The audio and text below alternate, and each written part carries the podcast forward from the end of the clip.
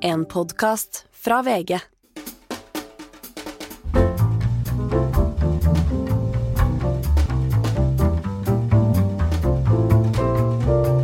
Hei!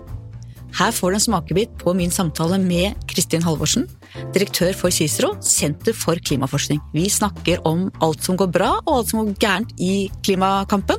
Hvilke utfordringer vi står overfor, elbiler, avokado og mye annet gøy. Og da er vi egentlig over på oljefondet, da. Ja. Om det skal brukes politisk eller ikke. Vi mener jo på lederplass her i VG at det skal det slett ikke.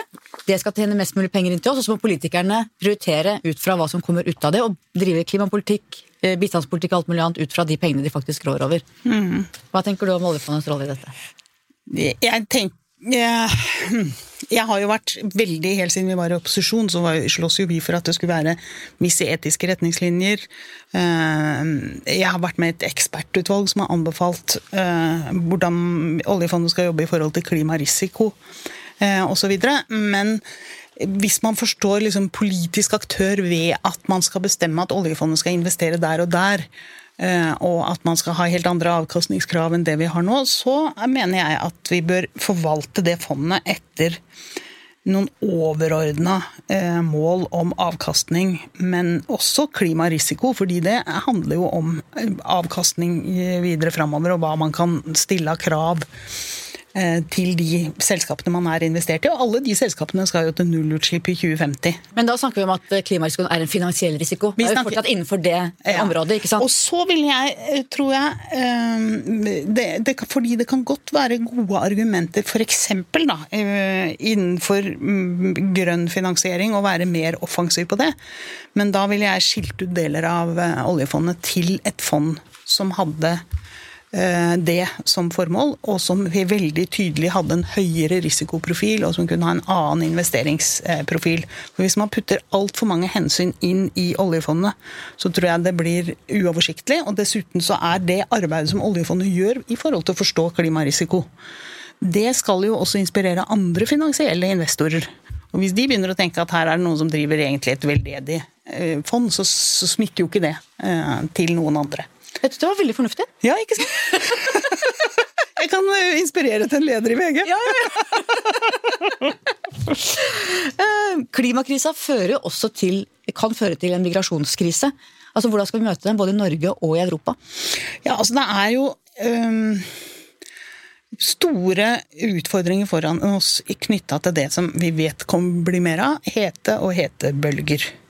Og kamp om vann og vannressurser. Det vi vel ikke nok på i Norge, men vann er jo i veldig veldig mange deler av verden en kjempesjelden ressurs. Ja, absolutt. Og det er jo også kjempeurettferdig. Alt med klima er jo veldig urettferdig, for det er jo de som har bidratt minst, som rammes mest eh, av dette. Eh, og jeg er spent på hvordan sommeren kommer til å være i Sør-Europa i, i år. Nå, kan vi, nå er det ingen klimaforskere liksom regner ett år. Det er vær, det er ikke klima. Men over en 30-årsperiode så ser du jo veldig mye tydeligere. Og det vi må forberede oss på, det er jo at der det er varmt fra før, der kommer det til å bli varmere. Det kommer til å være, og det er litt varmere i byområder enn det er i områdene rundt, fordi selve liksom, by, byfortetting tiltrekker seg mer eh, varme, eller blir et par grader varmere. Så det er jo områder i verden hvor det ikke kommer til å være mulig å være ute, jobbe ute midt på dagen f.eks. Eh, og kamp om vann. Så det er jo ett argument til for hvorfor det haster enormt å få til en endring i den banen som nå bare har økt utslippene de senere årene. Der vi må få en knekk på den, sånn at den begynner å, å peke nedover. Sånn at vi er innenfor rekkevidde og, og klarer å komme under to grader, og helst ned mot halvannen grads global oppvarming. Vi har diskutert på kommentaravdelinga hvorfor er det sånn at nordmenn er de som egentlig er veldig glad i forskning og fakta, men på klimaområdet er de blant de som er mest skeptiske. Og vår litt uvitenskapelige konklusjon har vært at det er for at vi er ikke så berørt av det. det er, vi er innmari happy når det er varm sommer her, for det skjer ikke så ofte. Og at vi på en måte er mindre reelt berørt. altså Sommeren i Sør-Europa i fjor var jo kjempevarm, og her var det bare deilig. Ja, for oss så har jo, har jo klimaendringene veldig mye mer med regn og nedbør å gjøre, og ekstrem nedbør å gjøre. Og den tommelfingerregelen på, på fysiske klimaendringer er jo at der det er tørt og varmt fra før, der kommer det til å bli tørrere og varmere, og der det er vått fra før. Der blir det våtere, og det blir det hos oss. Så vi kommer jo til å merke dette med flom, ras, skred eh, i, i, i, stor grad. Men, men, det er jo helt riktig, ikke på samme dramatiske vis. Men, men det er jo ikke sånn at klimaskepsisisme er noe stort problem i Norge. Det er ca. 75% av den norske befolkningen som er enig i at menneskeskapte utslipp påvirker eh, global eh, oppvarming. Og så er det ja, rundt ti, litt mer enn ti, som eh, tror at det ikke skjer, og så er det en vet ikke-gruppe. Sånn at eh, vi kan ikke regne alle de som ikke har klart å summe seg for å ta et standpunkt som klimaskeptikere. Så det er mer enn nok hva skal man si, oppslutning for politikere til å handle. Eh, og ikke la seg skremme eller bremse av klimaskeptikere i Norge.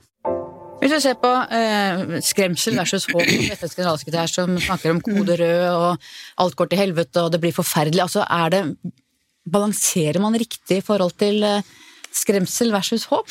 Nei, på, på, forskning så vet vi jo at skremsel er lite effektivt i forhold til å få med seg folk.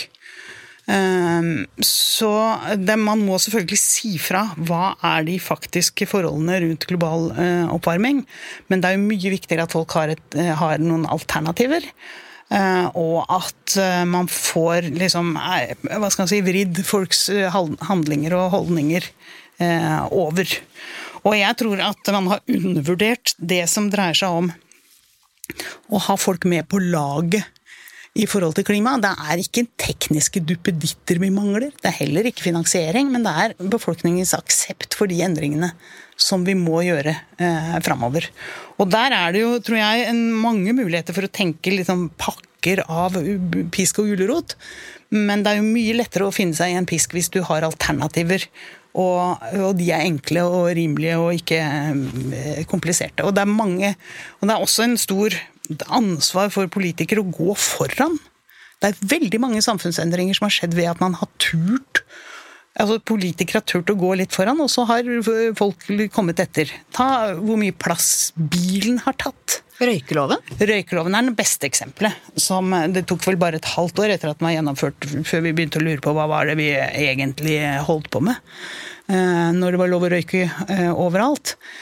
Eh, men også ta, ta, ta, biltrafikken. Det var jo privatbiler i Folketeaterpassasjen, det var planer om eh, motorvei gjennom Frognerparken. Altså, vi var helt hemningsløse i forhold til hvor liksom, stor plass bilen faktisk skulle få lov å ta. Og nå eh, finner vi oss det meste av begrensninger på det. Og det er masse andre eksempler også på hvordan samfunnet har forandra seg. Hva vi spiser Første pizzarestauranten i Oslo kom i 1970. Nå spiser vi pizza, frossenpizza for 2,3 milliarder kroner i året. Fem kilo i snitt per nordmann. Det er litt altså, overkant. Det er litt mye. Jo, det kan godt hende at det er litt mye, men det er utrolig mange. Tenk på, tenk på te telefon.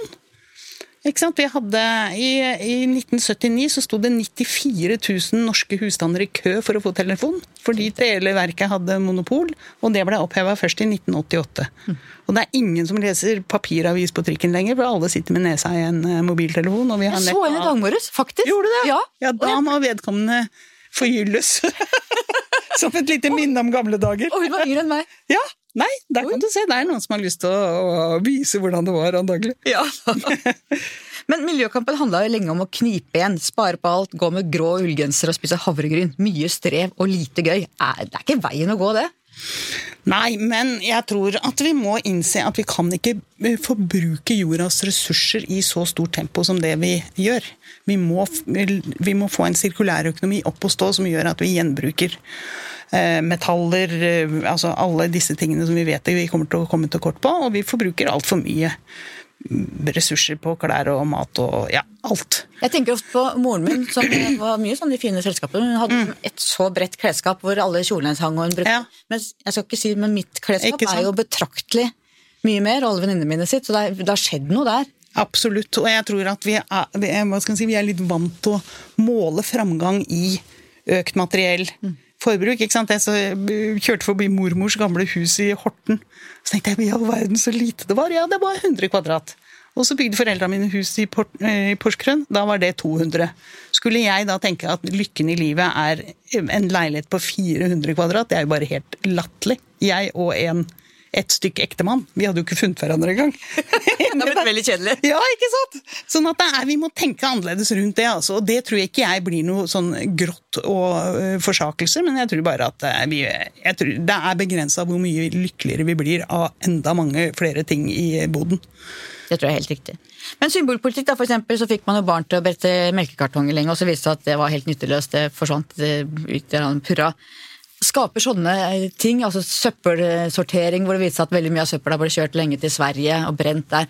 Skaper den type ting eh, entusiasme og gode holdninger, eller skaper det resignasjon?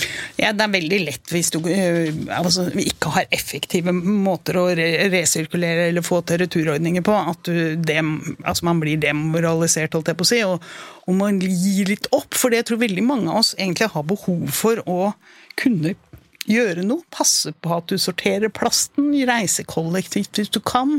Vi skjønner at ikke det redder klimaet i seg sjøl, men det er noe med at vi alle, alle ønsker å og bidra med noe. Så jeg tror at eh, Og sirkulærøkonomi har selvfølgelig også kommet på en helt annen måte i, i EU. Eh, og vi ligger langt bak. Nå har du hørt min samtale med Kristin Halvorsen. Hele episoden kan du høre på Podmy eller VG+. God helg.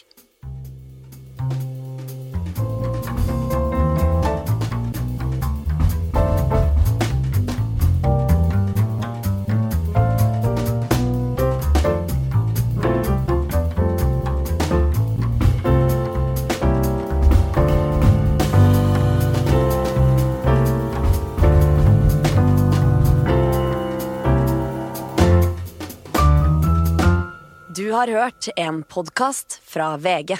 Ansvarlig redaktør, Gard Steiro.